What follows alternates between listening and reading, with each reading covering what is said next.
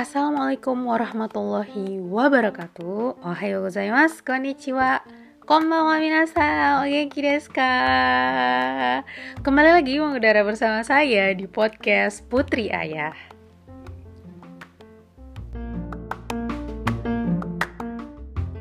Oke, bismillah. Jadi di konten kali ini yaitu konten Putri Nugas, aku bakalan share tugas-tugas aku via podcast Putri Ayah.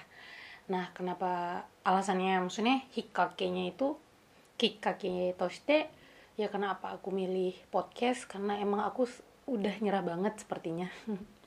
udah nyerah ngedit-ngedit poster apa segala macam gitu. Itu memakan waktu aku ya. Kalau teman-teman lain mungkin udah pro ya. Jadi um, gampang bikin kayak gituan. Cuman mungkin karena mungkin saja akunya yang enggak nggak terlalu rapi ngatur waktu atau emang yang jadwal terlalu padat so nggak bisa berbarengan gitu. E, nyambi ngerjain tugas ngerjain tugas online maupun hmm, pekerjaan yang lagi aku kerjain di sini gitu.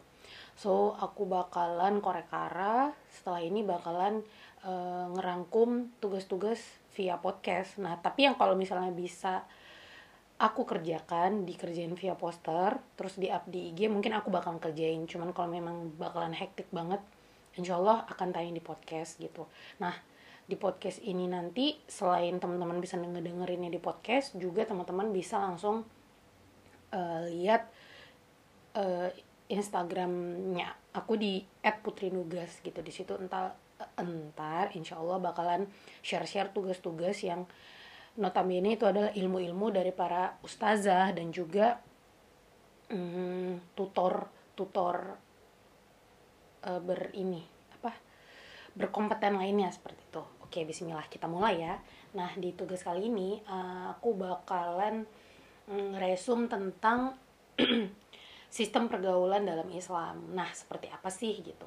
Nah sistem pergaulan dalam Islam itu adalah sistem yang mengatur interaksi pergaulan pria dan wanita atau sebaliknya antara wanita dan pria serta mengatur hubungan yang timbul sebagai implikasi adanya interaksi pergaulan yang terjadi dan segala sesuatu yang terkait dengan hubungan tersebut. Jadi eh, dalam Islam tuh pergaulan tuh udah ada ininya gitu kayak udah ada the way of uh, ngegaul gitu ya, udah ada gitu. Baik itu diatur bagaimana kita harus berinteraksi antara pria dan wanita juga sebaliknya dan juga diatur hubungan yang timbul akibat interaksi tersebut gitu.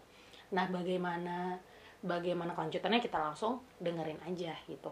Nah, tapi sebelum kita ngejelasin kita, sebelum aku mm, ngeresum yang aku sebutin tadi, aku mau coba disclaimer disclaimer ke teman-teman bahwasannya posisi kaum muslim saat ini dalam masalah pergaulan laki-laki dan perempuan itu kayak ada dua kubu kubu besar gitu kayak kubu kanan dan kubu kiri. Nah, kubu kiri itu atau sayap kiri itu mereka itu lebih ngarah kepada mereka yang menjiplak semuanya itu berasal dari barat gitu. Jadi sistem pergaulannya itu hmm, berkiblat ke sana. Nah, di sayap kanan ya ini adalah kubu yang kayak garis keras gitu loh teman-teman. Jadi kayak ya bold banget gitu ya prinsipnya. Nah di sayap kanan itu mereka yang bersikap dan melarang wanita keluar rumah gitu. Jadi cewek itu nggak boleh nggak boleh keluar rumah benar-benar kayak kayak apa banget gitu udah di dalam aja. Nggak boleh gitu. Nggak boleh eh, keluar rumah ber, berjual beli bekerja berpolitik dan menjalankan aktivitas publik lainnya.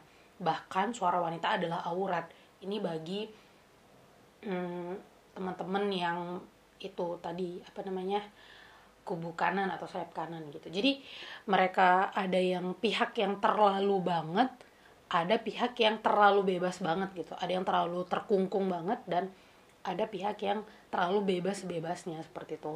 Nah bagaimana dalam Islam? Nah Islam mengaturnya udah lebih indah lagi teman-teman seperti itu. Oke Nah, eh, prinsip-prinsip dasar yang perlu kita ketahui adalah yang pertama tentang pandangan terhadap eh, laki-laki dan perempuan. Pandangan dalam artian ini adalah mungkin baik di se apa di sayap kiri maupun sayap kanan tuh mereka berpikir bahwasannya eh, laki-laki itu lebih dari perempuan, sedangkan perempuan itu kaum ini ya kaum terpinggirkan rendah pace-nya di bawah laki-laki dan sebagainya mereka menganggap seperti itu kemudian yang kedua adalah pandangan tentang hubungan laki-laki dan perempuan kemudian ketiga adalah kedudukan laki-laki dan perempuan di hadapan taklif syariah seperti itu nah kita kupas yang pertama yaitu pandangan tentang laki-laki dan perempuan Allah menciptakan manusia baik laki-laki maupun perempuan itu dibekali dengan fitrah yang sama. Nah, gitu. Indahnya dalam Islam itu seperti itu. Uh, Allah memandang pria dan wanita itu dengan fitrah yang sama gitu loh. Kedudukannya sama gitu. Adil gitu. Tidak seperti pandangan manusia versi barat dan versi lainnya itu tadi yang menganggap laki-laki itu lebih daripada perempuan. Pokoknya udah itu udah udah ini dah harga mati dah gitu. Nah, sedangkan dalam Islam Allah sendiri uh, yang menciptakan kita, menciptakan manusia ini membekali laki-laki dan perempuan itu dengan fitrah yang sama. Ya, yang sama itu apa? Yaitu potensi akal, kemudian kebutuhan fisik dan naluri atau gorizah gitu. Nah, kemudian yang kedua kita bahas tentang pandangan tentang hubungan laki-laki dan perempuan barat yang ya yang berangkat dari filsafat Freudian dengan psikoanalisanya menganggap nafsu seksual sebagai dorongan kehidupan kehidupan gitu. Nah, rangsangannya harus bertebaran dan tersedia di masyarakat karena jika tidak bisa menyebabkan kematian. Itu versi mereka. Nah, dalam Islam sendiri hubungan dan hubungan laki-laki dan perempuan adalah untuk tahun di tengah-tengah kehidupan baik itu dalam perdagangan, pendidikan, ijaroh, politik, dan sebagainya. Sehingga terrealisasilah kemaslahatan masing-masing dan masyarakat secara umum. Seperti itu. Jadi uh, dalam Islam itu uh, untuk menjamin ter, terwujudnya nilai-nilai luhur dan kerido, keridoan Allah itu udah ada kayak the way gitu loh udah ada caranya gitu. Tanpa harus kita berkiblat dengan teori barat maupun teori-teori lainnya. Nah kita masuk ke pembahasan yang ketiga yaitu kedudukan laki-laki dan perempuan di hadapan taklif syariah. Nah di sini itu Adapun untuk aktivitas-aktivitas seperti berdakwah, menuntut ilmu, kita kayak belajar, kuliah, seperti itu ya. Maka perempuan sebagaimana laki-laki dapat melakukannya.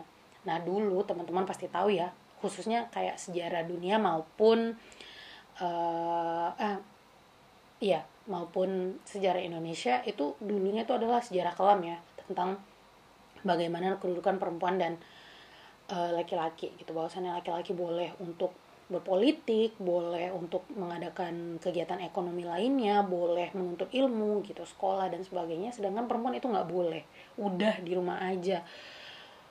Ya, wes ngono wae gitu loh gitu aja udah gitu ya kayak gitu aja gitu nggak bisa berkembang nah sedangkan dalam Islam perempuan itu punya hak yang sama gitu fitrah yang sama tadi boleh menuntut ilmu eh, sebagaimana yang laki-laki juga lakukan seperti begitu pula perempuan juga boleh menjalankan berbagai aktivitas malah lainnya seperti kayak perempuan boleh bekerja boleh berdagang boleh berorganisasi dan aktivitas publik lainnya termasuk berpolitik sebagaimana laki-laki. Tetapi yang perlu diingat tentu saja tanpa mengabaikan peran utamanya sebagai seorang perempuan, yaitu ummu warobatul bait. Nah, seperti itu.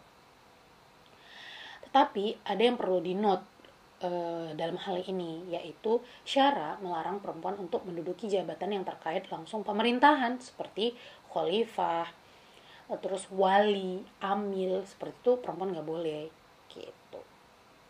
Karena pasti ada kayak ibarat kata kayak plus minus ataupun Allah udah paling ngerti dah kenapa perempuan itu uh, apa kenapa Allah melarang perempuan menduduki jabatan terkait langsung pemerintahan. Jadi kayak jadi kepala negara jadi wali jadi amil gitu itu adalah laki-laki gitu tidak perempuan nah perempuan boleh diperbolehkan untuk menduduki jabatan Eh, misalnya di pemerintahan ataupun jabatan tertentu itu sebagai kadi husumat atau hisbah seperti anggota majelis umat, direktur direktorat kayak gitu-gitu dan pegawai negara secara umum gitu. Jadi ini uh, hal yang ini ya kayak note-nya yang perlu kita ketahui seperti itu.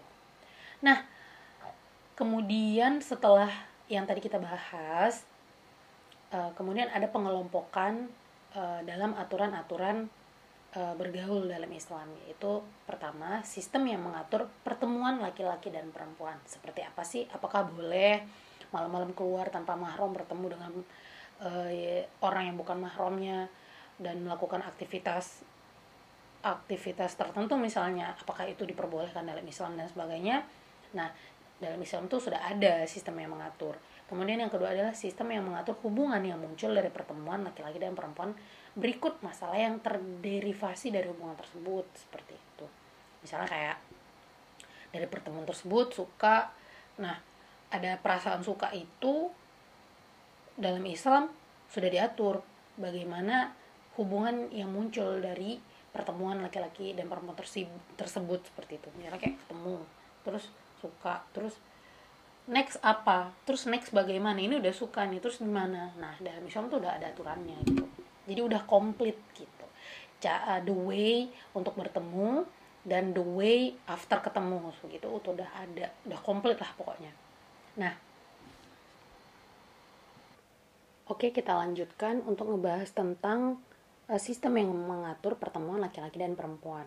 Yang pertama yaitu memerintahkan laki-laki dan perempuan untuk godol basor, yaitu menundukkan pandangan. Nah, menundukkan pandangan di sini bukan berarti kalau ketemu perempuan ataupun ketemu laki-laki itu kita tunduk terus enggak. Tetapi di sini adalah meng, uh, ketika melihatnya dan melihat lawan jenis itu misalnya timbul nafsu atau dengan nafsu menundukkan pandangan di sini adalah kita mengalihkan hal tersebut rasa tersebut ke pengalihan lainnya gitu. Misalnya kayak ketika kita melihat akhwat cewek gitu ngelihat uh kayak wah gitu langsung kita alihkan pandangan kita entah ke mana gitu. Tidak terus menerus menatap dia dengan nafsu dan sebagainya seperti itu. Itu itu maksudnya ya itu itu adalah kiasannya bukan berarti menundukkan pandangan tunduk terus panjang jalan nabrak tiang juga gitu kan. Seperti itu. Itu adalah makna tersirat ya Kemudian yang kedua, memerintahkan wanita untuk berpakaian sempurna ketika keluar rumah. Nah, gitu. Jadi di sini menunduk uh, apa namanya? menundukkan pandangan di sini uh, tidak hanya untuk laki-laki ya, tetapi untuk perempuan. Dan um, perempuan begitu juga dan laki-laki begitu juga ya, harus menutup aurat. Nah, fitnahnya kan yang lebih besar adalah wanita, makanya uh, buat uh, teman ciwi-ciwi buat saya dan teman ciwi-ciwi di luar sana ketika keluar rumah untuk berpakaian sempurna gitu. Ber apa menggunakan uh, hijab dan himarnya itu dengan sempurna gitu jilbab dan himarnya dengan sempurna gitu ya.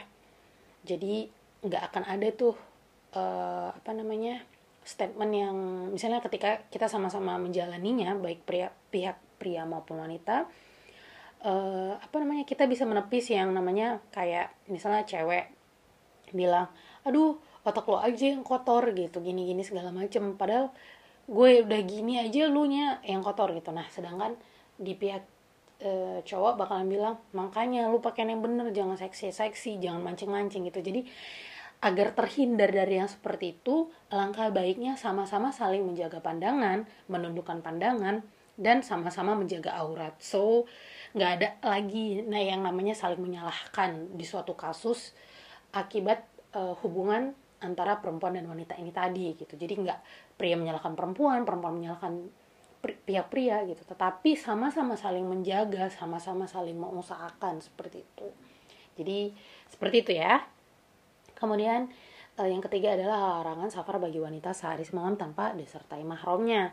Kemudian larangan berkholwat. Nah kholwat di sini artinya berdua-duaan ya. Jadi di zaman yang sekarang itu berhalwat itu tidak hanya maksudnya tidak hanya uh, apa ya bahasa Indonesia-nya itu tidak hanya secara offline tetapi juga online sekarang itu bisa uh, terhukumi berhalwat itu misalnya kayak ada cowok dan cewek chattingan udah mengarah ke arah sana-sana mesra-mesraan dan sebagainya gitu. Itu juga sudah yang namanya holwat gitu jadi ada ibarat kata tuh istilahnya ada kholwat offline dan online gitu. Wah ngeri banget kan? Jadi berduaan itu tidak hanya kayak mereka cuman berdua di suatu tempat di suatu ruang gitu. Tidak hanya itu tetapi dalam ruang chat juga itu bisa terhukumi berhalwat makanya hati-hati ya dears teman-teman ciwi-ciwi di di sekarang di zaman sekarang gitu ya hati-hati dengan ikhwan-ikhwan modus ya nge-DM yang aneh-aneh ya oke next yang kelima adalah hukum asal jamaah laki-laki dan perempuan terpisah yaitu istilahnya invisol gitu mereka tidak bisa bertemu kecuali karena adanya kebutuhan yang dibolehkan syarat seperti haji, jual beli, pengobatan. Nah itu kan hmm, mau nggak mau e, bercampur baurnya kemungkinannya ada gitu ya, gitu. Kemudian yang keenam mengharuskan hubungan tahun antara laki-laki dan perempuan dalam bentuk hubungan yang bersifat umum dalam muamalah, bukan hubungan khusus seperti saling mengunjungi atau bertamasya bersama, gitu. Jadi kalau hmm, pertemuannya itu harus ada interaksi yang harus bertemu itu boleh tapi yang sifatnya itu umum gitu kayak muamalah ya jual beli ya kita ketemu kan dengan klien yang lawan jenis kita gitu yang beda jenisnya dengan kita gitu. Yang seperti seperti itu tuh boleh. Misalnya kita uh, perawat gitu. Ya merawat pasien cowok juga misalnya seperti itu. Ya itu uh, hubungan yang bersifat umum dan uh, kalau memang itu diharuskan ya masih bisa gitu. Tetapi kalau hubungan khusus seperti saling mengunjungi rumah gitu. Terus apalagi bertamasya bareng. Nah itu yang uh, tidak dibolehkan seperti itu ya next yang ketujuh adalah wanita hidup dalam kehidupan khusus dan kehidupan umum. Nah apa sih kehidupan khusus dan umum itu? Dalam kehidupan umum wanita diperbolehkan bersama laki-laki muhrim ataupun asing dengan memenuhi syarat berpakaian sempurna. Tidak tabaruj juga nggak makeup yang yang gimana gimana gitu. Sementara dalam kehidupan khusus wanita itu hidup bersama wanita dan moh uh, dan mahramnya ya di sini maksudnya jadi uh, perempuan itu terbagi dalam dua apa namanya ya dua dua kehidupan yaitu umum dan khusus dan kemudian yang delapan yaitu laki-laki dan perempuan sama-sama diharamkan untuk melakukan aktivitas yang secara langsung bisa merusak akhlak atau membawa kerusakan pada masyarakat. Seperti diharamkan yang wanita bekerja sebagai daya tarik seksual laki-laki. Eh, maksudnya seperti diharamkan yang wanita bekerja sebagai daya tarik seksual misalnya dia jual mobil tapi yang dipajang bukan mobilnya sebagai main tapi yang jadi main adalah wanita dengan berpakaian ketat, seksi dan sebagainya. Nah, itu kan sudah lari dari fitrahnya, sudah lari dari tujuan sebenarnya seperti itu kan ya.